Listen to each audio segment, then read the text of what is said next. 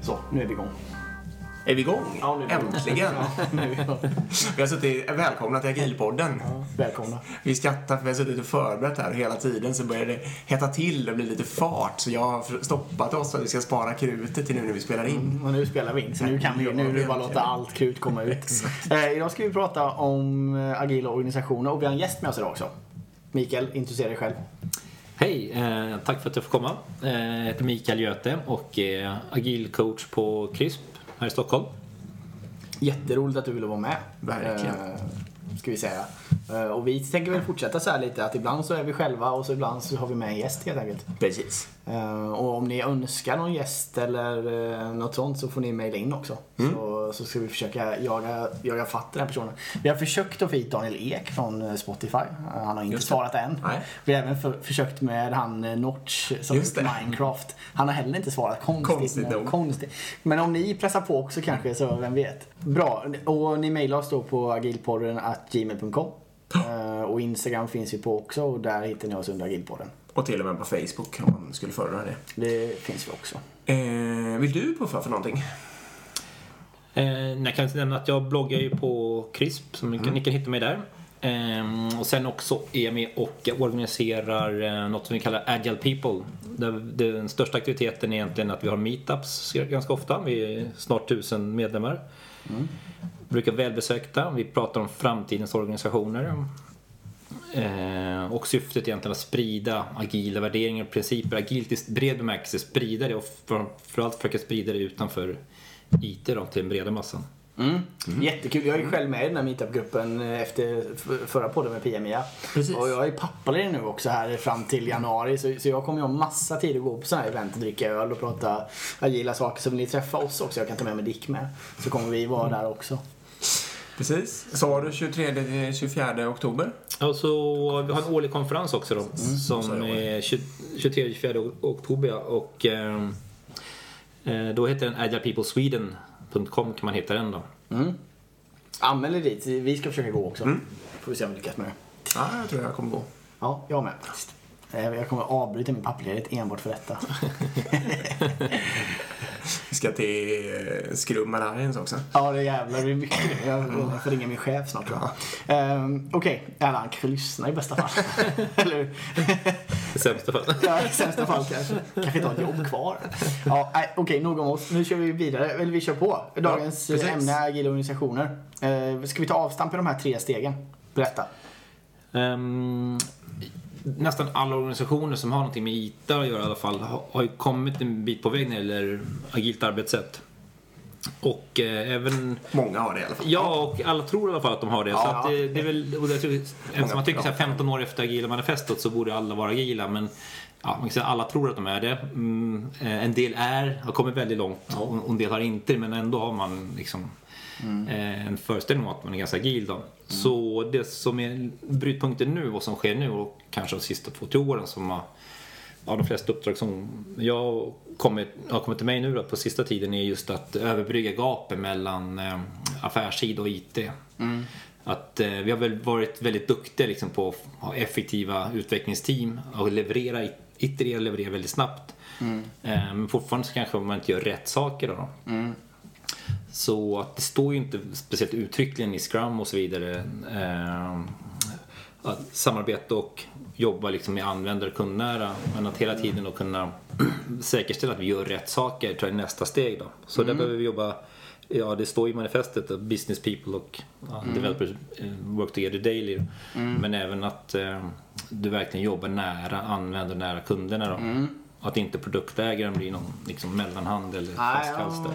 jag håller med. Och det är ju också, så, jag tror kanske vi har nämnt det innan men vi nämner det igen. Jag tycker att det är en av de vad ska man säga, nackdelarna eller farligheten med att sätta upp en, en Scrum-organisation det är att om man då inte har volym så kanske man har en produktägare.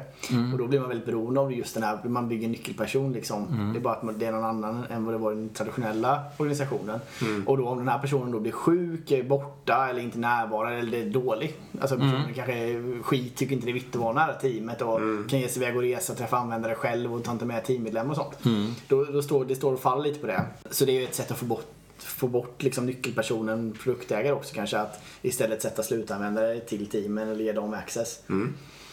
Så vi pratade precis idag om det också att börja se produktägaren som en funktion snarare än en person. Mm, just det, precis. Och vi har liksom ett stöd i rollbeskrivningen men du måste inte att du inte kopplar liksom samman att det är du som produktägare som ska göra allt det här utan Nej, att precis. du blir mer facilitator och faciliterar dialogen och att se till att använda prata, eller att utveckla prata med rätt användare. Mm, att de connectar ihop dem med rätt community vid rätt tillfälle och sådär Ja. snarare. Mm. Ja, det är kul. Bra tanke. Mm, verkligen.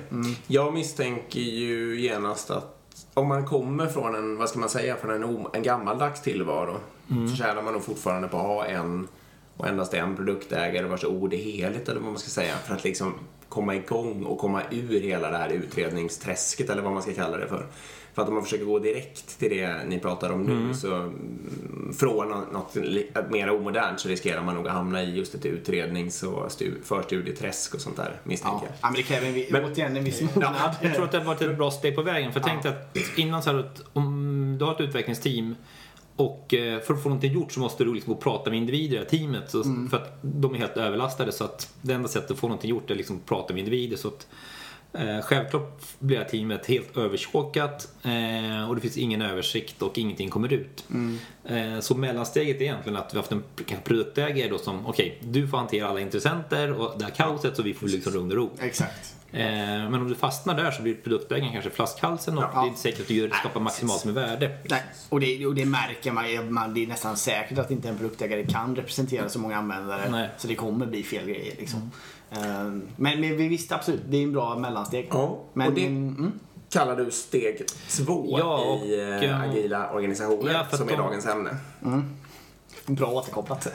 Ja, för att om vi då eh, har ett eh, värdes, liksom en värdeströmskedja eller flöde, värdeströmsorienterat. Eh, så de som jobbar med direkt värdeskapande är också de som levererar eh, direkt till kunden. Då. Och då kan du tänka dig att funktioner runt omkring det här är stödfunktioner för att den värdekedjan, värdeflödet ska fungera maximalt. Då. Och det som händer nu är att vi försöker få det här, alltså hela värdeflödet eh, optimerat. Då. Och det ser jag liksom som steg två och det här tror jag som mycket, många nu som har lyckats inom IT står liksom att ah, vi måste få med affärssidan. Det hjälper inte att vi gör allting mycket snabbare om vi inte gör rätt saker. Eh, och det är fortfarande kanske inte optimalt samarbete och gnissel och liksom friktion internt. Då, då. Så där, där är vi mycket nu, att det här börjar hända och här behöver kunder hjälp och så vidare. Och nu menar du värdeströmmen liksom från idé till produktionssatt lösning så att Ja. säga helt enkelt. Ja. Och idén får inte fastna på verksamhets eller affärssidan så att säga. Nej. Nej. Och tänk, det typiska är att om du har nu fått ner liksom ledtiden på utvecklingsteamet till ett, ett par veckor. Om fortfarande idén sitter i, i en Två kö liksom i, i två år. Eh, och så tycker man att eh, nu ska jag, jag ska jobba ännu snabbare här. Eh, men det behöver bara att du ritar upp en värdeströmskedja egentligen och så hittar de här köerna. Så att, ja, det vanligaste man får göra när man kommer till en kund är att eh, eh, helt enkelt stoppa massa eh, projekt eller få bort eh, saker i, i köerna, inköerna igen. Eh, och sen att man börjar kunna... På affärssidan, På affärssidan, så att ja. Ja. Så, och så bara ta, ta, börja nästla liksom i den som man på, av någon anledning uppfattar som viktigast. Och sen Ja, så, börja så du får på liksom den, så ut värde, nytta av den eh, nya kapaciteten du har, nya förmågan du har på eh, mjuka utvecklingssidan. Mm. Vad är steg tre då? Ja, så att eh, tänk dig nu att du har de här uh, värdeflödeskedjorna. Eh, men övriga organisationen då? Eh, det finns ju massor med andra funktioner fortfarande som inte är direkt i värdeskapande eller produktutveckling då. Du har ju liksom kundservice och kanske försäljning eller eh, ja, HR, finans. HR, finans, ma- market eller reklamkampanjer och Ja. mm, Har sociala du medier. lagt, Erik har ju som vanligt hittat en rolig bild på det här. Ligger den på Insta eller? Vad var det för Den här- ja, ja, den är fantastisk. Ja, ligger- Eh, Ja, den ligger på Instagram. Ja, den gör det. Mm. Då kan ni ju titta på Instagram. kan visa den också. Apropå just det här att man uppfattar sig som agil, man sitter mitt i, men allting runt omkring jobbar på ett helt annat sätt. Exakt, Det den ja. visar. Precis, den visar alla de här avdelningarna att de inte de ligger år efter. Ja, så även eh, för det första då att i värde, när du jobbar i värdeflöde så kommer du fastna i hierarkin och kanske beslut så, eh, eller ja eh, och det kan det vara liksom legal aspekt eller risk kommer eller marknad eller någonting. Så Ja. att det blir långa beslutsvägar och du fastnar i hierarkin helt enkelt. Då. Så det första är att man behöver liksom refakturera bort de här beroendena, besluten. Då. Eh, och sen också då att om vi nu jobbar i en snabb föränderlig värld, i en mer komplex värld, då behöver hela organisationen vara agil eller lättrörlig, liksom snabbfotad. Då. Så om du då har långsamma beslutsprocesser utanför det här äh, agila flödet, Så Eh, så- stör ju det, eller förstör ja, det. då, då kommer du fortfarande inte få full utväxling. Då. Så tredje steget är att hela organisationen blir agil. Ja. Eh, och en central eh, faktor i det agila är ju självorganisering. Då Ja. och self-management. Så att för att det ska vara lättrörligt och snabbt så måste det verkligen vara decentraliserat och då behöver hela organisationen bli självorganiserande. Så vi kommer få självorganiserande organisationer, inte bara självorganiserande utvecklingsteam. Då. Nej, precis. Så från självorganiserande utvecklingsteam till riktigt crossfunktionella eh, självorganiserande liksom affärsteam ja. eh, som kan Inklusive gravställning eller vad man Ja, det är liksom steg två. Och steg tre får du det här på hela organisationen. Ja. Då. Ja, det är otroligt intressant. Ett typexempel som jag själv ofta drabb, eller liksom ser, kanske jag ska kalla det för, i vår egen organisation, det är ju om det innefattar någon form av inköp av mjukvara eller liknande. Halvår. Eh, ja, exakt. Halvår är ju bra då helt plötsligt. Det som, ja, men, om vi själva kanske har en ledtid som räknas i veckor och så helt plötsligt ska man lägga på ett halvår, då har man ju förstört alla andra ledtider fullständigt. Ja, men så är det ju absolut. Det Jag känner, jag känner igen, jag hade ett, ett team som till och med skulle köpa in ett verktyg för att bara prototypa någonting. Men inköpsavdelningen hanterade det här som det skulle produktionssättas. Och det skulle uppföra, uppfylla liksom 100 kriterier då. Mm, Mallar och Ja, men vi ska, nej, men vi ska bara ha ett Mm. testverktyg. Det, det här ska inte levereras till kund utan det här, och inte i produktionstiden Mm. heller. Vi ska bara testa en sak liksom. Bara, nej, det ska vara den här halvårsprocessen för det liksom. Sånt brukar väl vi... Ett tips, rent teoretiskt skulle man kunna köpa sånt här på kreditkortet och ta det på reseräkning. Jo, teoretiskt kan man göra så. Har jag hört att folk gör. Jag har hört också. Om det, I alla fall om det är småbelopp. Ja. Ja, men när du sen efter tredje gången får skit för det liksom. Nej, så. nej, men vi- jag håller med dig helt klart. Det, det är ett problem. Absolut. Men bra, tre steg egentligen då. Ja, Eh, mm. Står vi steg ett tydligt, det var helt enkelt att man hade ett skrumpteam och att IT var agila Agil, agil Ja. IT, ja. ja precis. Och det är väl där många krigar nu också. Alltså, så är vi ju även där liksom att bara okej, hur ställer vi om vår IT-organisation till att bli en agil organisation? Och, och där, det som är slående är ju faktiskt att det, gapet blir större för många jobbar ganska traditionellt vattenfallsaktigt men har liksom klistrat på Ja, det gamla, gruppen är fortfarande en grupp. Man kallar dem för ett, liksom ett team, eller scrum-team. Eh, projektledaren är nu en product owner till exempel. I Då, bästa fall, ja. Ja, eh, och, men och du inte, om du inte förstått de bakomliggande principerna och kanske inte infört de, eh, så här XP practices som parprogrammering, TDD, eh, Continuous Delivery, Continuous Integration eh, så är du fortfarande inte agil då. Nej. Eh, och det sorgliga är egentligen att många är ganska självgoda och tycker att de har kommit långt men egentligen påklistrat då. Och kanske i värsta fall om de inte själva inser det. Nej, precis. Nej, Verkligen. jag, jag håller med dig helt och hållet. En subfråga här, eller vad man ska säga, det var ju måste man jobba med IT? Eh, nu låter det som att du svarar ganska tydligt nej på den, eller? Ja, för att bli en agil organisation Mm. tycker du? Mm. Jag sa lite, jag nämnde där om uh, Agile People att man kan säga att principen och värderingen är i, i agilt arbetssätt. Att förstå att vi lever i en komplex miljö, komplext sammanhang. Eh, och egentligen det som är fokus där är ju lärandet då. då. Och det enda som är egentligen att i mjukvaruutveckling så har man insett, tror jag, tidigare än, andra branscher eh, med komplexitet. Mm. Eh, För användarna vet inte riktigt deras behov. Eh, Vi människor som ska utveckla någonting och produkterna vi tar fram är väldigt liksom, stora och komplexa. Då, då. Så du har komplexitet på massa olika områden. Så inom mjukvaruutveckling så har man förstått det här att du kan inte göra, planera dig fram hela vägen. Eh, Du kan inte ha liksom en detaljerad plan och command och control fungerar inte. Eh, Det är lärande egentligen som är kärnan. Då. Och, Det är extra uppenbart på något sätt. Ja. ja, jag kommer inte ihåg vem det var som men liksom att mjukvaruutveckling är egentligen lärande där programkoden är en, eh, ett resultat av läroprocessen. Då, Mm. Det är sant för mer för mig att, bygga hus till exempel. Då. Det har vi haft uppe förut. Ja, det har vi, men det är värt att ta igen. Så det, jag tror det var Ola som pratade också om varianser liksom, på hur fel det blir om man Precis. lägger det i en plan. Jag menar visst, bygger man ett hus och, och det blir fel på 5-10% kanske. Det gör inte så jävla mycket, det är någon månad eller någonting. Ja. Eh, men grejen är att i mjukvaruutveckling så är det ofta 1000% man har fel i tidsestimat eller 100 eller Ja. 150. Och det, det är klart, då, blir det ju helt andra Ja, för det är tids... inte förutsägbart ju. Nej, precis. Och det som händer nu, det är spännande ju att eh, i och med digitalisering, globalisering eh, och ökad konkurrens. Så blir alla branscher mer komplexa. Eh, och man kan tycka då att ja, men det finns kanske några traditionella som taxi, hotell och sådär men då har du Uber och Airbnb. Då liksom dis- disruption även där. Så att om du tyckte att du kunde planera liksom din hotellverksamhet med, med, baserat på liksom samma plan som förra året så eh, okej, nu har vi Airbnb som är världens största hotellkedja. Eh, om du räknar antal hotellnätter då, och inte har ett, enda hotell. Det hade man inte räknat på förra året. Nej.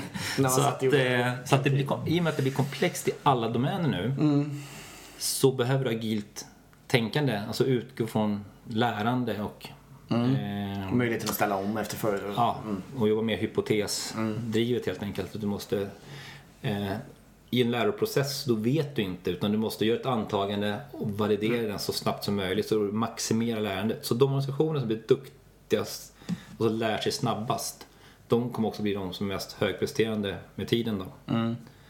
Så vi måste alla tänka liksom som toppidrottsmän eller idrottskvinnor. Att hela tiden träna, träna, träna, lägga fokus på lärandet. Kan jag öka den här lärkurvan någonting då? då? Och det spelar inte så stor roll vilken nivå du börjar på men ju brantare lärkurvor du har kommer du liksom passera dina konkurrenter då. Det, det där gäller ju individ också. Ja, Inte bara organisationer. Det här tycker jag att jag har läst också. Det är ganska mycket artiklar och sånt nu som egentligen inte handlar om agilt utan som bara handlar om hur bara industrin är på väg någonstans i största allmänhet. Och att det är kunskap och inlärning ändå är någon slags extrema fokusfrågor som alla behöver liksom hänga med i för att ha en chans. För det som är repetitivt det kan man automatisera ju.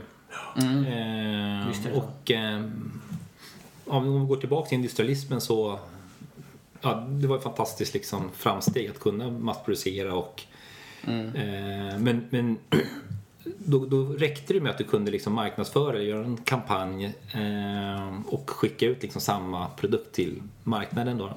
I och med eh, sociala medier och eh, eh, möjligheten att anpassa också mycket mer efter målgrupper och kundbehov. Så försvinner det här ju. Så att eh, det- det här blir centralt överallt nu. Och det som är spännande är ju att IT-industrin ligger i framkant där.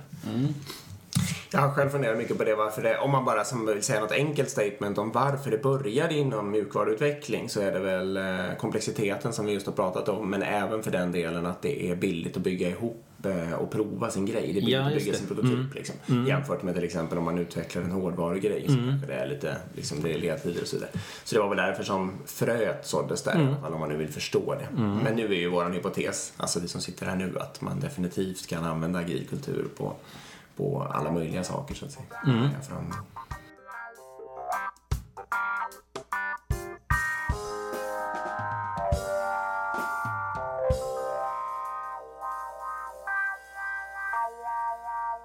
Finns det agila organisationer? Eh, ja, det är, de som är då fullt ut på nivå 3 är ju väldigt få. Ja. Och ehm, det som kanske är en, bra källa då är ju ehm, den här populärboken som kom eh, 2014 tror jag det var. ehm, Reinventing Organizations av Fredrik Laloux. Där han har eh, studerat ett antal typ agila organisationer. Men, eh, kallar dem inte för agila men de är egentligen, en parameter är att de är self-managed eller självorganiserande. Då. Eh, han hittar liksom 12 case. Och det intressanta är att eh, när han tittar på de här olika bolagen så kunde han se många gemensamma parametrar, eller liksom mönster som man kunde eh, dra slutsatser ifrån. Då.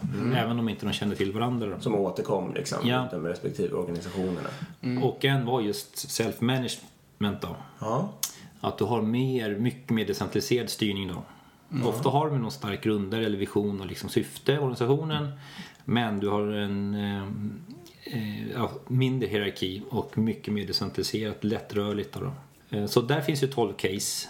Eh, och eh, det finns en del, andra också kända då. Eh, till exempel Gore som gör Gore-Tex eh, kläder och sådana saker. Eh, de är typ 10 000 tror jag.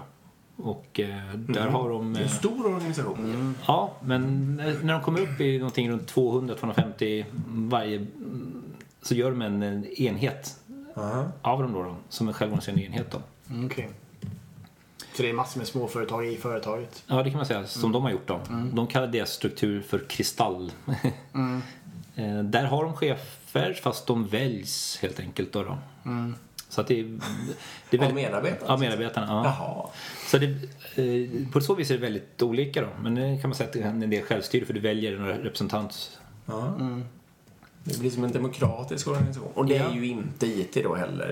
Eller det, de har väl IT förstås också, men det är ju inte kärnverksamheten. är Nej, inte IT. nej. Inte än. Inte än i alla fall. Det är Internet of Things. Snart är det uppkopplade regnjackor också. Ett annat spännande bolag som jag själv har besökt eh, förra året är Burzorg. Ja. Eh, ett holländskt vårdbolag, hemtjänstbolag.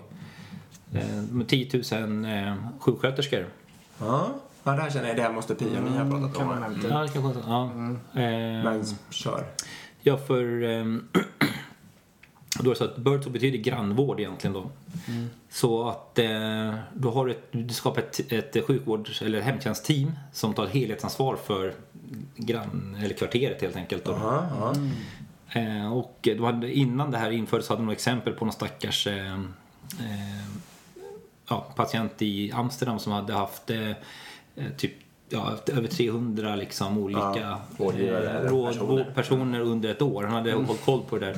Men de flesta är liksom dement och vet ju inte ens det. Nej, så att, fan. det här händer liksom i Sverige också ju. Ja, det gör det. Absolut. Så att eh, de har som mål att det är högst två olika personer eh, och de här tar ett helhetsansvar. Så att de börjar med, då knackar de på grannen. Du, vi vårdar Agda här bredvid.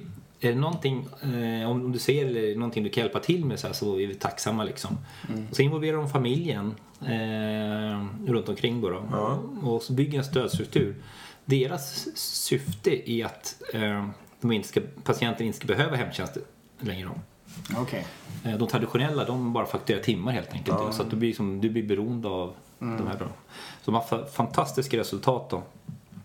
Så för ett par- år sedan så började konkurrenterna klaga och säga att eh, ja, men ni har inga chefer heller och det här är gått, som går tillbaka till medeltiden eh, och det är jättesynd de här sjuksköterskorna liksom som får Ja. så då var de tvungna att eh, gå med i en sån här eh, medarbetarundersökning som var en, en publik. Och då fick de det högsta uppmätta no- eh, resultat någonsin. Det var över 9,5 någonting på 10 graders skala liksom.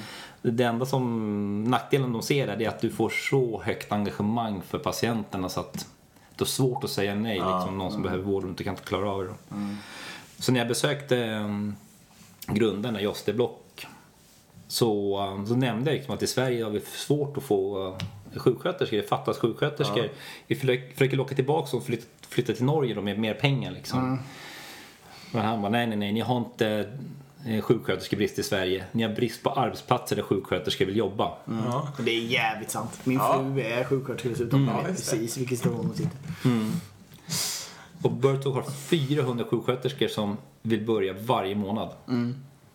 Och då kommer de som ett team. Så att i det här kvarteret så finns ingen Burtsorg. Vi är fyra stycken sjuksköterskor som vill ta hand om det här kvarteret.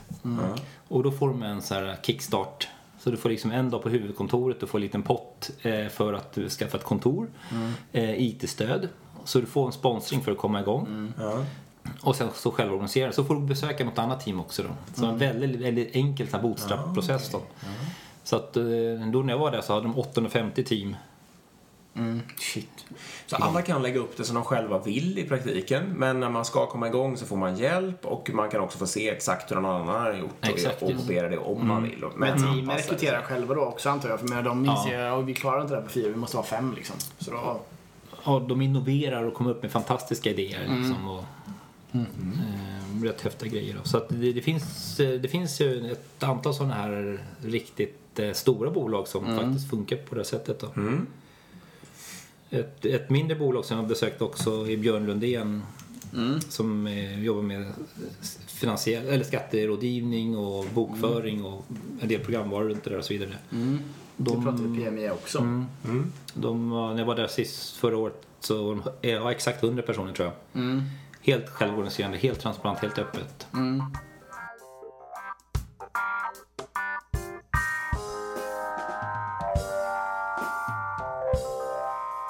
Vill du toucha på någon av de stora drakarna också? Ja, sen eh, när man pratar mer att, eh, utveckling och sådär, då brukar man ju eh, komma upp som Spotify och eh, Facebook och Google som exempel på agila eh, företag då. Nej, De förlåt, jag, skulle, jag skulle inte säga stora. Burt såg ju också jättestort. Ja. Jag, jag menade kanske mer klassiska drakarna Klassiska, inom ja. branschen. Och det var det jag menade. Ja, så att eh, de kan man säga är agila organisationer också då, men inte riktigt på den här nivån av att de är mer helt liksom, de är fortfarande mer traditionell styrning också då. Mm. Har du insyn i hur Facebook och Google jobbar? Nej, men inte så mycket med det som är allmänt skrivet och att Nej. de är liksom kända case kring det där. Och, Är de, är de framgångsrika? Alltså, är, har, de, har de på riktigt en agil kultur och så vidare? De har ju liksom ganska bra, de har väldigt bra medarbetarnöjd under, under liksom, nöjdhet kan man ju säga. De ligger väldigt högt. Eh, Många vill ju jobba på Google. Drar Exakt, till ja. sig folk. ja, Google, Spotify, de här, de har ju väldigt högt och de är duktiga på liksom, continuous delivery och snabba leveranser och allt sånt där. Men eh, jag, jag, vad jag hör så liksom är inte, de är inte riktigt fullt ut agila. Både in, det kanske är lite, ja, teams och crossfunktionalitet och eh, det finns ju traditionell hierarki och beslutsfattande också i viss, må, viss mån då. Men man kan säga att de är framgångsrika. Mm. Ja, verkligen. Men inte riktigt på den här nivån som är beskrivet i boken som jag nämnde där då. Nej. De är inte med som en case liksom. Nej. Eh, det finns något som heter TIL också, vad är det? Ja, just det. Så att eh, det är ju en, egentligen en färg. Eh, det är väl eh, havsgrön typ. Eh, och varför pratar man om en färg liksom, typ, på de här typerna av bolagen då? då? För de här kallas för TIL-organisationer eller? Så i den här boken så pratar man om TIL-organisation och det är egentligen en beskrivning på nästa nivå av eh, medvetenhet hos de här företagen kan man säga då. Så om man backar tillbaks, så under industrialismen så var det väldigt, eh, och då hade man liksom den maskintänk med organisationer var som maskiner, var fokus på resultat, vinst. Eh, och det kanske kunde, gick ut över liksom, eh, människan och eh, ja, eh, natur och sådana saker. Det typiska är liksom att människor blir resurser, de blir kuggor i hjulet och du, En robot- syftet är att maximera vinsten lite för aktieägaren och så vidare. Ja. Som en motreaktion på det så kan man säga att agilt är ett exempel ju. Där vi tänker, det sätter människan i centrum, självorganiserande och empowerment. Eh, vi försöker ge ut ansvaret. Och eh, även det här liksom med gröna våg och tänk liksom miljö och det finns andra värden än bara resultat och pengar. Eh, och då börjar vi organisera oss mer platt och mer självorganiserande och team. Och man kan säga att TIL är en om du kombinerar det här bästa, det bästa av båda världarna, liksom att du har både resultat, eh, snabbhet, beslutsfattande men även människan i centrum, syfte kanske mer än bara tjäna pengar, eh, självorganisation och team. Om du kombinerar det eh, så får du egentligen TIL där du tar tillvara på och integrerar ihop kan man säga eh, tra- ja, olika traditionella värden då. Innan har man egentligen förkastat olika sådana organisationstyper och organisationsmodeller. Att det ena är bättre än det andra. Då, då. Mm, just det. Man kan gå ännu, ännu längre tillbaka i tiden då, men om man tar lite mer modernt då. Så, Men TIL är egentligen att eh, du integrerar, integrerar ihop de här olika aspekterna då. då. Så att eh, du kan fort, du kan få bli väldigt, eh, använda den kollektiva intelligensen, eh, använda självorganisering på ett på ett eh, effektivt sätt. Då. Du fastnar inte i som konsensus alla ska bestämma utan du kan fortfarande effektivt beslutsfattande. Eh, och du jobbar ofta mer syftesdrivet, att det finns någon mening med organisationen bara än, Mm. än att tjäna pengar. Då. Med någon form av hållbarhetstänk eller annan högre mening så att säga. Ja. Och, Man har en mission, en vision. ja.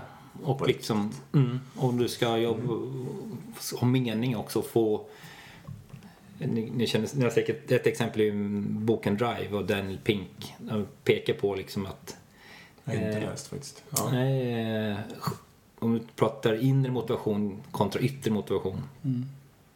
Att då du- inre motivationen får mening i, i görandet. Och om du jobbar med eh, mer komplexa mentala, kognitiva liksom, problem så eh, behöver du ha en mening med det du gör, inre motivation. Om du försöker motivera med externa medel så faktiskt får du sämre resultat. Så bonus och sånt där funkar inte i komplex miljö. Utan du behöver hitta inre drivkrafter och därför också blir syftet mer viktigt. Då. Och som du kan koppla ihop ditt syfte, vad du brinner för, din passion med också det sammanhang, organisationen som du samverkar i. Så du får en mening i arbetet. Då. Mm, det är ju intressant. Ja, det det- stämmer ju väldigt mycket på något sätt. Ja, men jag tittar på mig själv så drivs, Mm. blir jag ju mer taggad av att se människor växa och sådana där Mm. saker än, än vad jag tänker på nästa löneökning eller något sånt där. Jag hoppas inte min chef lyssnar nu. Och, eh, men även för den delen så har jag läst en del böcker om barn, ja, det som kallas barnuppfostran traditionellt. Då. Eh, att belönings, alltså yttre belöningsfaktorer är ju ofta ganska dåliga och leder in i återvändsgränder av olika slag. Man måste liksom hitta de inre drivkrafterna för att, Ja. eh, för att få till verkliga förändringar av beteenden Och som där, funkar. ja, liksom. precis. För där är intressant. Jag läste en artikel om, om Google där också. De har ett problem just med eh, eh, automation, alltså att fordonen ska bli autonoma. Eh, och då är ju väldigt mycket programmering bakom det. Eh, och de som är specialister på det här området, eh, de har liksom behövt rekrytera det globalt och hitta de här bästa individerna. Och kastat på dem pengar såklart då, liksom för att locka dit dem till Google. Problemet med de här individerna nu det är att de har fått så pass mycket pengar att de har sagt upp sig. Väldigt många av dem. Eh, och det är för att de inser att de har fått så mycket bonusar och så höga löner under så pass lång tid nu att de inser själva att jag vill inte jobba för någon annan utan jag sitter hellre själv och programmerar på det jag tycker är kul. Och sen om, om, min, eh, om den här mjukvaran nu blir framgångsrik då får väl någon köpa upp det. Det skiter jag i. Jag menar, de kanske inte har ett kommersiellt syfte liksom. Eh, Så nu hade Google medvetet fått sänka bonusar och löner bara för att det var så pass många som hade satt upp sig då. Och så får de leta efter folk som, som brinner för autonoma fordon istället antagligen. Ja, precis. Exakt. På ett, på ett mer Och som verkligen vill exakt. jobba med just den frågan. Exakt. Så. så det är lite intressant. Ehm, Men jag tror också det är en generationsfråga också för Det är det säkert. yngre, alltså du vill, du vill känna något syfte, mening med det du gör. Så att när vi pratade om det här tidigare, en, en sån här en mönster som de hittade de här bolagen i studierna var self-management eller självorganisation. En annan var just um, syfte. Eller, vi pratade om så här, evolutionary purpose, att ett, eh, organisationer har sitt eget syfte som växer fram mer och mer då. då. Och att det liksom bidrar till någon, någonting mer. Eh, och sen tredje eh, mönstret var liksom, man pratar om wholeness, att var och en kan eh, bidra med sitt fulla jag till organisationen. Jag läste någon som sa där att eh, vi är så vana med att spela liksom en roll på jobbet, att måste vara professionella, måste tänka på vad vi uppför oss, hur vi säger tiden, så att vi läcker liksom energi hela tiden. Någon sa att liksom att vi, läcker, vi har två jobb, liksom. ett att hålla den här masken och det kostar liksom 25% av all vår energi. Men kan du istället vara den du är och ta ditt fulla jag liksom, istället för att lämna det vid dörren när du kommer till jobbet. Då.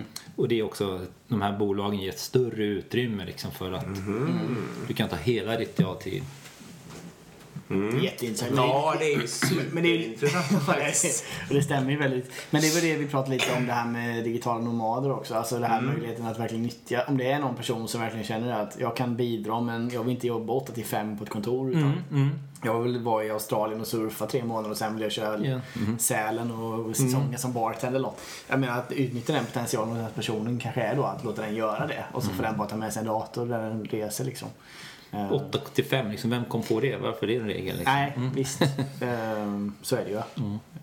Styrkan är ju om man, om man enas bakom någonting så är styrkan att alla kan prata med varandra samtidigt i och för sig. Jo, Men så att det- det- försvaret, jag. Men eh, jag är ju sugen på att eh, rekrytera ihop ett team av digitala nomader för jag misstänker att jag kan rekrytera ihop de smartaste hjärnorna liksom, eller några Om väldigt skulle, smarta hjärnor. I och med att det inte finns så många företag som gör det här så skulle man antagligen locka till sig de Det det topp jag 10 är. bästa Ja. utvecklarna i Sverige. Lite så. Om de får sitta var de Det vill. finns ett väldigt se, jag coolt, jobbar på det. det Alltså, finns ett väldigt coolt eh, gäng i Nya Zeeland som heter Enspiral. Eh, och är, vad man kan säga, en community eh, som jobbar lite så att, ja, digital nomad, men att de samlas som community eh, gör, och, och som skapar ventures, liksom satsningar tillsammans då. då. Eh, så det poppar upp sådana små eh, självorganiserande eh, communities helt enkelt. Då. Och de eh, grundades av eh, Joshua Vidal som var programmerare. Och så han, vid 30 års ålder så började han fundera på Eh, vänta nu så här, om jag är 30 kanske, jag ska, om jag, jag har kanske 40 år kvar tills jag liksom pensionerar mig. Eh, det är ett matematiskt problem. Liksom, eh, 40 år så att jag jobbar 2000 eh, timmar om året, det blir 80 000 eh, timmar. Och hur kan jag maximera värdet, liksom impacten av de här mina kvarvarande arbetstimmar? Ja, vänta nu, så här, det är inte om jag sitter själv här och bara programmerar utan jag måste få hävstånd. Hur gör jag det? Eh, jag, jag måste börja gå, börja gå runt och intervjua folk då. ja. Så han frågade så här, hej, eh, vad, har, eh, vad har du för passion? Och hur kan jag hjälpa dig? Eh, och så efter liksom att ha pratat med 300-400 personer så började han hitta mönster och började kunna koppla ihop personer. Då. Och det har varit grunden till det här ja, Inspire, det community, det företag man ska säga. Och, och 13 startups nu då. Eh, och nästa steg han det är att det här börjar sprida sig nu till andra ställen utanför Nya Zeeland. Ja. Och eh, om de blir, kommer vara så snabba och lättrörliga så att får de bara hugg på liksom en riktigt bra affärsidé så kan du få hela den här communityn bara ställa om liksom på nolltid och gå mot en sån här grej. Så kommer inte ett, ett traditionellt företag kommer inte ha en chans att hinna med. Nej. Nej, det kommer bli svårt. Ja. Så att, det, så att man kan också ifrågasätta vad liksom, organisationer kommer verkligen vara en avgränsad del. Vad, vad slutar börjar den liksom och eh, eh, via konstellationer kommer för det i sig att alltså bygga en traditionell, eller eh, att bara bygga en agil organisation tar ju också otroligt lång tid.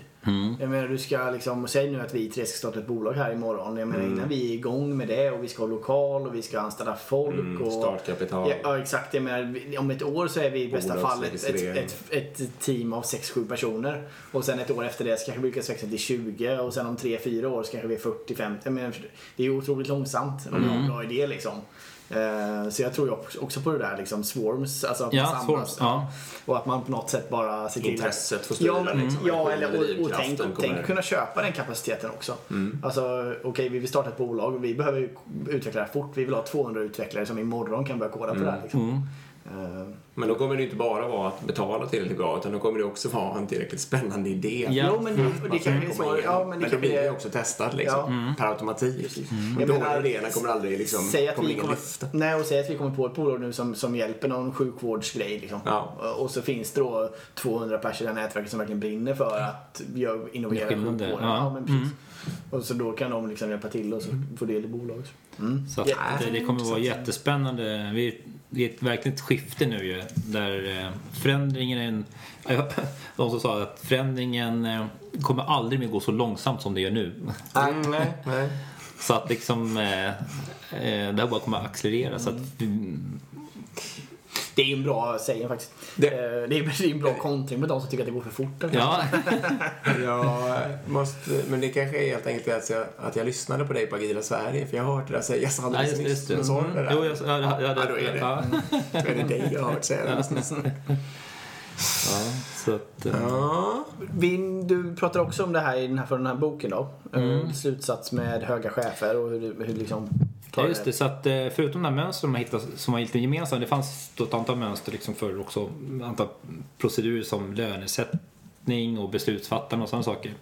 En annan sån gemensam slutsats var att eh, du behöver helst styrelsen, men åtminstone VDn som verkligen förstår det här mindsetet och som kan hålla systemet att eh, Att skapa utrymme för att du- ska kunna bygga den här agila organisationen. Då då. Eh, för har du inte det så ehm, ja, kommer även försöker kommer oftast falla tillbaka. Då. Eh, och eh, det har kanske ni säkert känt igen själva. Jag eh, brukar kalla det för soufflé-effekten. Mm. Det vill jag höra vad det är. Det är jag nyfiken på. Och jag vet inte om ni försöker göra soufflé så är det väldigt känsligt. Det är- Man vet aldrig, när man tar ut den här ugnen så sjunker den ihop väldigt lätt ju. Ja.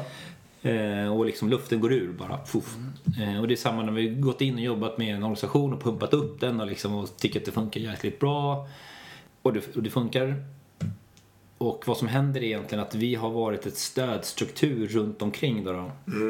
Så vi har liksom hållit organisationen och ledarna och, och dialogen och man kan fånga upp liksom beslut eller idéer som kanske eh, skulle stjälpa då. då. Så så länge du är där så kan du hålla den på en liksom högre nivå. Men om ledningen då eh, inte riktigt har förstått det här och eller om du går ut lite för tidigt eller man avslutar uppdraget liksom innan du verkligen ändrat hela kulturen där. Eh, så även om ledningen, eller förstår på ett intellekt- intellektuellt plan att ja, men det här är bra, så här vill vi ha det. Så kommer dina gamla mönster, gamla fallgropar, ja, liksom, det kommer lysa igenom och du kommer ta beslut eller göra saker och ting som går emot det här. Och då kommer liksom luften gå ur för, aha vänta nu det var bara prat liksom. Eller eh, du tappar det med öppenhet, tillit eller vad det nu är för någonting då. Så att eh, slutsatsen också i boken att om du ska ha en riktig agil organisation så måste du ha en eh, ledning som lever detta då. Och vanligt är ju att eh, ledningen ja men eh, gå och fixa dem där borta, den avdelningen eller det teamet eller de där då. Eh, men om du inte börjar jobba med dig själv och utveckla dig själv också, det är läroprocess även för dig. Så du behöver öka din förmåga att fatta beslut i komplexa miljöer. Då. Och är det väldigt komplext då kan du inte fatta alla beslut själv. Nej. För då kommer du liksom ta Dåliga suboptimeringar beslut, och ja. dåliga beslut. Då. Så du behöver kunna se eh, andra, andra perspektiv. Du behöver kunna eh, se vilka intressenter du ska involvera. Då. Och du behöver liksom kunna också hålla och förstå deras perspektiv. Plus att du behöver kunna se ditt eget perspektiv, att du också har ett par glasögon som du färgas av. Och det är först när du får den mentala förmågan att kunna se och förstå det här och skapa då organisationer och utrymme för att använda den kollektiva intelligensen eh, som det blir hållbart egentligen då. Vad heter det? Jag undrar ju direkt, eller tänker direkt så här. Om man nu har... Ponera att du har en ledare för en organisation som... Eh, vad ska man säga? Som, alltså, som inte har förstått att leva det hela, så att säga. Men som på riktigt är väldigt, väldigt intresserad och skulle vara beredd att göra uppoffringar i sin personliga... Eller alltså, jag behöver inte kalla uppoffring, men som skulle vara beredd att liksom på riktigt ta tag i sig själv och Ja. utvecklas. Hur tycker du att eh, stödpersonerna runt om ska göra då? Eh, men då att man tar själv coaching och, och stöd ju. Ja. Och eh, gärna jag jobbar med ett helt ledningsteam då. Så att eh, det räcker egentligen med att teamledaren eller ett par i ett ledningsteam, alla behöver inte vara på den här nivån. Nej. Men du behöver ju ha minst en eller två och helst kanske teamledaren då som kan då fånga upp och ställa de här frågorna då. Så att eh, ta stöd och hjälp i teamet och om vi vill bli en agil organisation, börja med ledningsteamet. Okej, hur kan vi vara ett riktigt agilt ledningsteam? Hur ser det ut? Om jag är en agil ledare, vad innebär det? Hur ser det ut då? Ja.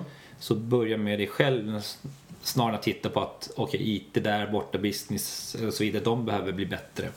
Men du skulle säga, okej, du säger satsa på coacher till den här VDn eller den här högsta chefen. Det organisationen. finns olika sätt att ut, men man pratar också om mindfulness är ju ett eh, väldigt populärt nu, börjar komma liksom i affärs och din förmåga att reflektera.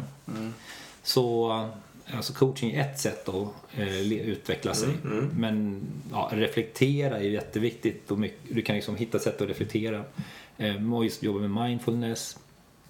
Eh, kanske skriva det, dagbok, eh, sätt att reflektera utvecklingsteamen kör ju retrospektiv. Of- det är väldigt sällan man ser ledningsteam göra det då. Chefer kör du, gör du egen eh, reflektion under veckan. Jag har till exempel i min kalender varje eh, fredag eftermiddag så har jag liksom veckoreflektion då. Så att eh, träna på reflektion. Min, min dotter som är 12 som går i skolan. Eh, de får, verkligen, de får ju träna på det verkligen nu så att det kommer bli skillnad fram tror jag. De jobbar ju med eh, jobbar kunskapsskolan. Där får du sätta liksom mål för terminen, eh, mål för veckan, mål för dagen. Och så får du reflektera på dagen, på veckan och liksom över terminen. Så hela tiden får du träna in det där tror jag. Eh, Men många chefer tränar sig själva det då. Det finns, så det, Eh, Men det som är, en sak som är bevisat det är i alla fall eh, sådana här, typ olika praktiska medve- närvaro och medveten närvaro, typ mindfulness och sånt. Närvaro, medvetenhet, självreflektion eh, och liksom att vara beredd att utvecklas helt enkelt. Ja. Det, det säger du i nyckelversionen. Coaching och som, ledarträning, ja. som vill, då finns det egentligen alla möjligheter. Ja, Jag tror också man kan satsa på att åka på de här konferenserna. Alltså det skapar ju liksom tid för reflektion, om du jag menar. För åker man iväg på en konferens någonstans som är en eller två dagar. Då blir det liksom att okej, just de två dagarna så kanske man släpper sin mail och sina, att man inte hinner tänka och sådär. Som skapar bra diskussioner och skapar reflektion liksom. Vad, vad tycker du då? För jag har ju faktiskt försökt att få med folk på de här konferenserna. Men det är ju nästan bara de redan mer eller mindre frälsta som följer med. Och då har jag liksom jag- peppat. Jag tycker du bokar redan nu. Jag menar om vi tar den här som exempel nu då, 23-24. Ja. Boka den redan nu. Bara boka in i den här personens kalender. Ja, men eh, tänker du nu på mina kollegor och eh, min, ö, min De chef? be- eller tänker du på mina... För mina underställda skulle jag väl Nej, jag tänker, nej, jag tänker Nej, på din tänker chef snarare. Din, din chef. Ja. Boka in det redan nu och så säger hej det här, det här anser jag är obligatoriskt för dig att, gå- att gå på. Nu skulle jag... Jag känner ju direkt att jag skulle känna mig mycket mer komfortabel att ta Agila Sverige bara för att jag har varit där själv förut. Men, det måste Men jag ska följa upp saken. Vad sa du? Ja, kan våga chansa lite. Det- Nej men ni kan ju åka på, ni kan åka på någon sån här eh, Global Scrum Gathering också. Ja, Men, Agil, men- eh, vi jobbar ihop med Agila Sverige och eh, det var där sist tror jag, det var någon som sa så här, varför inte, varför inte min chef här, varför inte alla che- chefer här? Och då sa jag, men vänta nu, Agile People är ju mer riktat mot just chefer och HR eh, till exempel. Och eh, utanför bara Agil förutsätter inte att du kan någonting om utveckling. Nej. Men det Så- gör inte så- Sverige. inte längre. Nej. Nej, inte- man får ju se upp lite med vad man går på då. Men det är väldigt många blixtar. Men tanken är att vi ska komplettera det i alla fall. Mm. Och det är väl bra. Eh, Okej, Ja. bra. Jättebra. Ja, verkligen Spännande. intressant. Nu fick Ja. jag inspiration igen. Mm, jag med. Efter varje avsnitt så är det samma sak. Vi pratade lite om CRISP då. Jag, menar, jag såg på BBC, tror jag det var, Just det. ett inslag om eh, No CEO, att ni inte har någon Ja. chef och att ni försöker vara en agil organisation. Ja, vi försöker experimentera, experimentera vilt på oss själva kan man säga. Eh, så det har vi gjort under ja, alla år och liksom accelererat lite på slutet då. Och eh, vi fick, började få massa förfrågningar om eh, men varför finns det inget kryss på det här eh, stan liksom, eller det här landet då? Jag kan inte öppna ett kontor här. Eh, och sa man, men vi har inget syfte i att växa utan ja, vårt syfte var fantastisk plats, liksom, plattform för konsulter och ett fantastiskt resultat för kunderna. Inte i att växa då, men vi kan gärna hjälpa er om ni vill starta liksom något liknande. Så vi började hjälpa andra bolag, men efter ett tag så kom vi på det att vi borde ju faktiskt eh, publicera hur vi jobbar. För då blir det mindre jobb för oss att hjälpa andra plus att vi kan få feedback. Och så lite nördigt då har vi eh, gjort, lagt det på GitHub som open source så att man kan faktiskt göra, forka och göra en kopia av En hur vi jobbar då. då. bransch.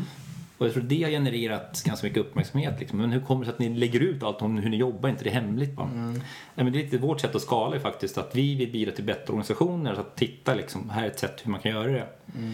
Eh, och sen så eh, för ett halvår sedan någonting så fick BBC ny, nys om det här då, eh, som är en jättestor eh, engelsk kanal ju. Och de har ett program som heter C, The CEO Guru. För C, eh, VD helt enkelt ju. Eh, och ett avsnitt då var, eh, ja men om man inte har någon CEO då, kan man det? Vi har besökt det här knasiga bolaget i Sverige liksom. CRISP, som, de har ingen VD. Eh, funkar det liksom? Och eh, vi hade VD för ett par år sedan. Men vi också insåg det här att skilja på roll och person eh, och vad VD vad, gör, vad innefattar funktionen då? För innan hade vi ändå eh, var det så att vi valde internt vem som skulle vara VD. Så fick vi turas om. Men efter ett tag så insåg jag att men vänta nu, måste vi verkligen välja någon VD? Eh, och enligt aktiebolagslagen så måste man inte ha en VD, man måste ha en styrelse dock. Eh, så listade vi helt enkelt upp, vad gör VDn då? Så vi gjorde en lista på det och sen liksom refakturerade vi ut de här eh, arbetsuppgifterna till eh, dels till kontoret, administrativa bitar. Eh, dels till eh, en roll för affärsutveckling och sälj och dels till konsulterna. Så ja, då kunde vi liksom plocka bort VDn och det har varit lite, varit väldigt mycket uppståndelse runt det här. Kul. Så, Eh, vill du kommentera någonting på Crispy en blandning av anställda och egenföretagare? Ja, vi, eh, vi som konsultar, eh, just nu tror jag 39 totalt och vi är 36 som konsultar. Eh, och där har vi en, eh, egna bolag också då. Eh, men det är, väldigt, det är som en community, det är, eller community är en kärnvärdering så vi jobbar väldigt tätt tillsammans. Så det är eh, mer samarbete än så, liksom, där skulle det ändå bli, eh, som vi var inne på lite, en skillnad mot om ni skulle ha en produkt eller göra en produktutveckling. Då skulle alla de här 39 vara anställda. Och det Troligen, det ja. skulle vara någon Måste man ju inte ha. Nej, måste Men man, troligen men- hade det varit så. eh, Troligen i Sverige idag ändå så hade ni varit anställda och så hade ni haft några chefer kanske. Eller försökt att skippa det och sådär. Så det blir ju en viss skillnad liksom. Eh, Vad vi ofta får höra är att ja, ja, men i ett konsultbolag då är det väldigt lätt. Och, ja, visst, det är enklare än om du har produktutvecklingsbolag. Du kanske måste ha dagliga beslut mycket snabbare. Då. Vi har inte behövt utveckla vår beslutsprocess och så vidare så att den är extremt snabb. Utan vi vill gärna diskutera för viktiga frågor som ja, berör alla. Liksom, då, då vill vi ta lite tid till det och vi har, vi har tid också då. Och då träffas ni allihopa, eller alla som kan och vill så Ja, att så säga. att li- när det är lite mer bråttom då tar vi beslut eh, online. Eh, Helt enkelt. Eh, annars försöker vi spara tills vi träffas. Då. Vi, träffas vi, har typ, vi har tre internkonferenser per år. Så nyligen har vi eh, ja, byggt ut vår lokal till exempel. Då, då.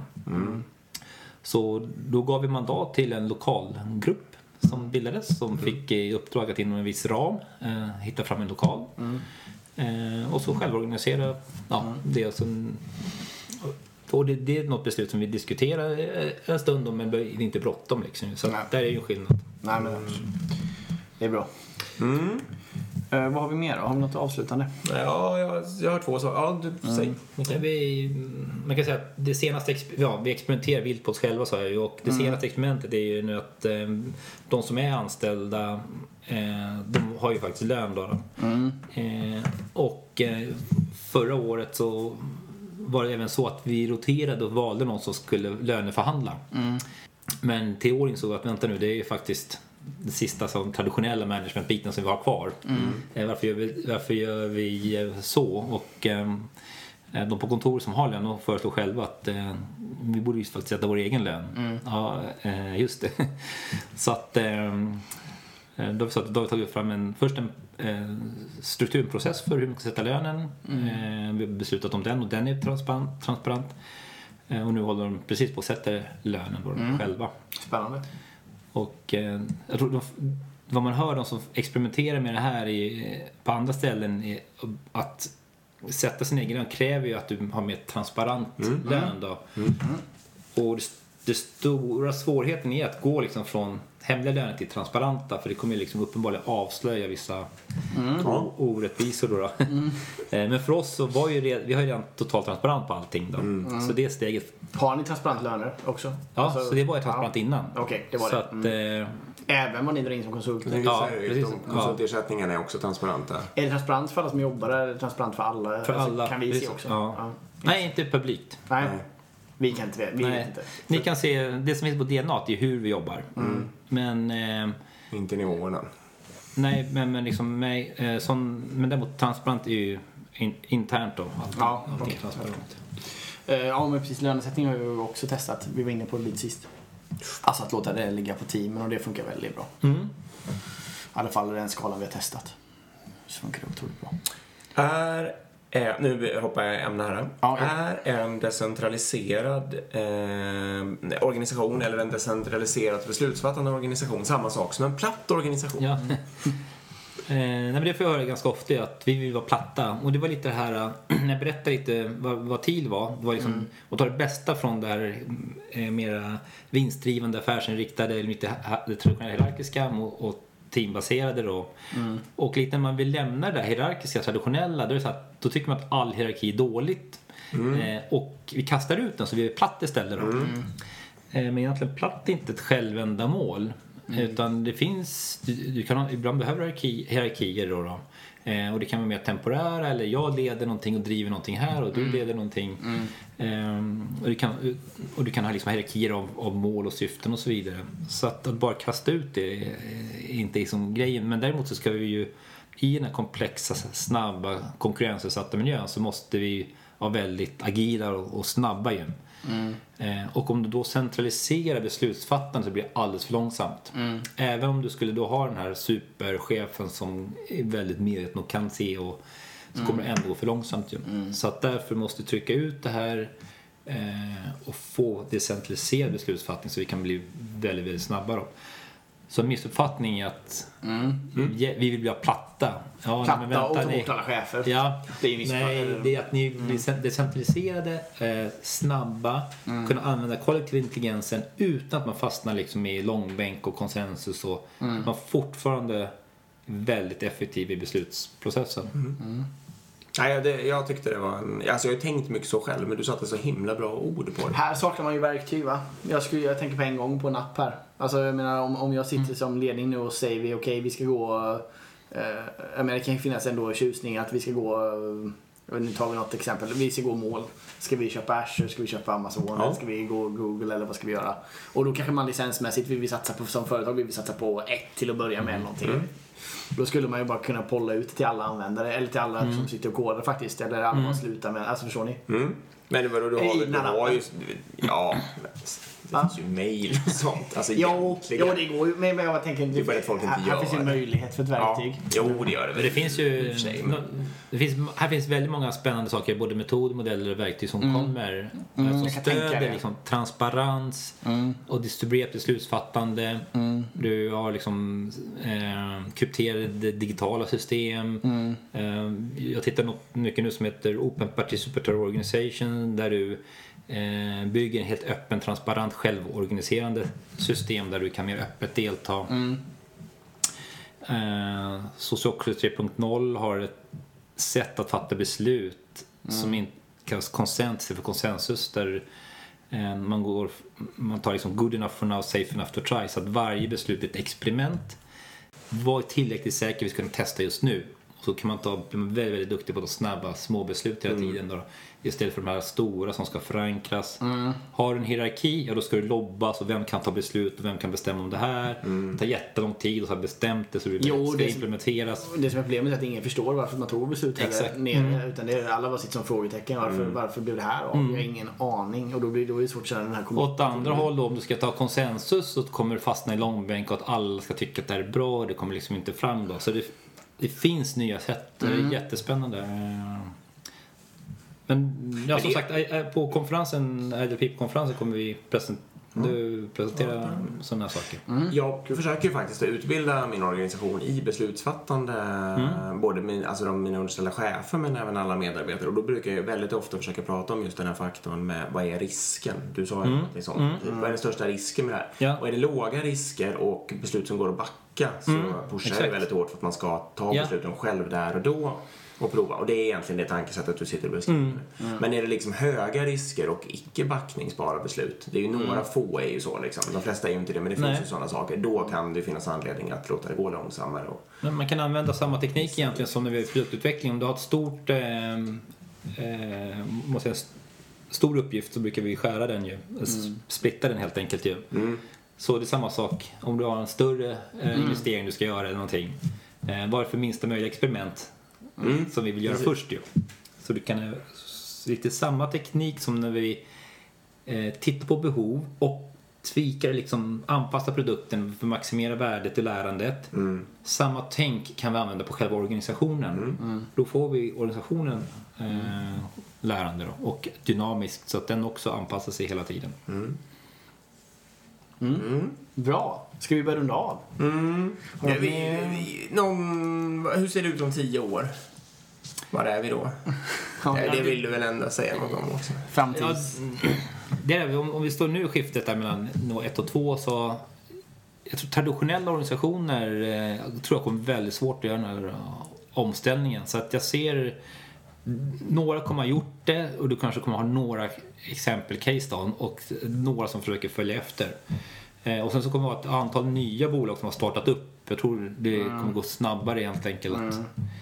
Eh, men fortfarande fullt, med fullt ut agila organisationer. Vi pratar, det, fanns, det finns ju redan idag med de här casen där. Eh, men jag tror det kommer nog ta säkert tio år minst innan vi kommer ha en gemensam uppfattning om att det är vägen att gå. Det kommer ske mycket tidigare. Men att svänga om de här stora traditionella bolagen. Kommer de att kommer överleva jag- då? Jag menar, kommer inte många dö?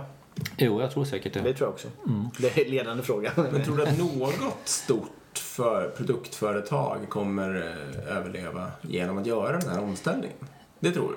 Jag tror det, för det går. Eh, ett av de här casen om de 12 i Reinvent Organization var ju faktiskt ett traditionellt verkstadsbolag som Ja, eh, okej. ställde om. Så att får du in en eh, inte ledning, vd, ja, och det finns till exempel ett bolag i, i eh, Indien, eh, HCL tror jag de heter, ett, konsult, ett jättestort konsultbolag.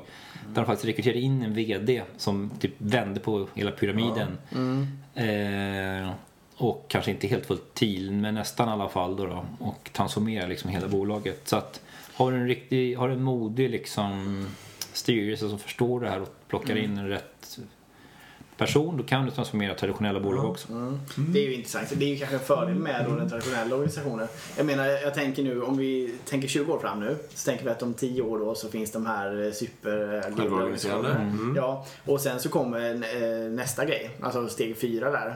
Som innebär att vi måste ställa om allt helt och hållet igen. Kanske längre än så. Då, då kommer det vara svårare att göra den. För då kan vi inte bara tillsätta en VD som jag menar, Nej. eh, förstår jag Nej, man- Då är det liksom decentraliserade beslut och alla, alla, nej, precis, alla fattar fel beslut i hela organisationen. Om det nu är det som behövs ja, så blir ju det ett problem. Ja, men det kan ju också hända att den smartaste människan i den där organisationen har jättestor... Ja, och jag säger, jag säger bara det är en fördel nu då med att vi har den här traditionella organisationen. Det är att det, som du säger, det går faktiskt med en person egentligen eh, göra väldigt stora omställningar. Men, men då tror jag att eh, det vi var inne på lite med eh, swarms liksom av communities som ja, kommer samman och löser problem som kanske inte alls liknar traditionella organisationer. Det, Nej, det var precis. fyra säkert då. Mm, bortom kanske. Ja, kanske. Mm. Vi kanske inte ens är ag- agila organisationer i steg fyra. Nej. Otroligt intressant. Eh, lyssnar ni nu alla där ute att om ni, eh, det är inte kört, men det kräver att eh, för att hänga med i den nya tiden så kräver det att börja göra saker på ett eh, lite annorlunda sätt. Och då kan det verkligen gå. Ja, och jag ser det så här också nu att jag menar, eh, om man tittar på var vi står idag så har man ju fantastisk möjlighet att bli role model i det här. Jag Ja. menar, det krävs ganska lite för att bli det också. Så jag menar, om man som bolag är lite på tårna och så tänker att, men vänta nu, ska inte vi ta och driva det här lite mer aggressivt än de andra bolagen så kommer det också innebära att på, över tid så kommer folk söka sig hit. Och, Alltså det är en ganska enkel match att ta så jag förstår egentligen inte varför inte fler bolag bara gasar Nej, på Det är liksom. både lätt och lite svårt samtidigt, ja, men det är också lätt på många sätt. Och det är väl lätt på helt många sätt. Som att bara lägga ut en, att skapa transparent lönesättning kan ju vara en sån grej som jag tror skulle göra- att massa folk söker sig dit. Det är ju egentligen lätt, ja, Och det kan, det, som svårt. det kan du göra på en dag egentligen. Jag kan nämna um, ett bolag här i Stockholm, Meridium, som jag jobbat lite med. Eh, De har som eh, ja, ambition att verkligen bli ett TIL-bolag. Eh, Och eh, där till exempel vdn börjar lägga ut eh, frivilligt, alltså på Slack la ut sin lön och uppmuntra folk att dela sina löner. Som ett steg, bara ett exempel Det på det. Liksom. Ehm, och de har det, det är svårt att rekrytera i Stockholm duktig eh, utvecklare. Eh, Det är hård konkurrens om det. Så de ser det här som en, en av sina liksom, s- största konkurrensfördelar. Kunna locka personer. Att du får jobba mer självstyrande, du får större ansvar och större delaktighet. Ehm, Ja, då behöver man inte lägga ner eh, 300 000 i veckan på en annons i DN. Liksom. nej, och liksom, jag tror yngre personer också vill jag verkligen ha en chef eh, som ska bes- bestämma. Jag vill ju ta större ansvar. Som jag inte ens får välja utan det är tillsatt chef. Ja, mm. Supertack för att du kom. Jag tycker vi rundar av. Vi, Ja. är, vi är på timmen. Precis. Vi ska säga frågor. eh, Nu behöver vi frågor. Nu behöver vi Vi, frågor. nu körde ingen dag, vi kör ingen dagens fråga idag. Eh, så nu behöver jag att ni mejlar in agilpodden gmail.com Mm. eller skriv på Instagram. Eh, ja, vill du säga något mer? Eller puffa för något? igen? Eller påminna om något eller någonting? Eh, Men eh, Hitta dig på CRISP. ja, Mm. så gå in, man kan gå in eh, crisp.se, gå in, kan gå in och konsulter och eh, konferensen nämnde om Agile People, Mm. Sweden.com. Finns massor av kurser och sånt på CRISP också, eller hur? Just det, vi har ju en eh, som heter just Framtidens organisation. Mm. Där vi precis tar upp allt det här.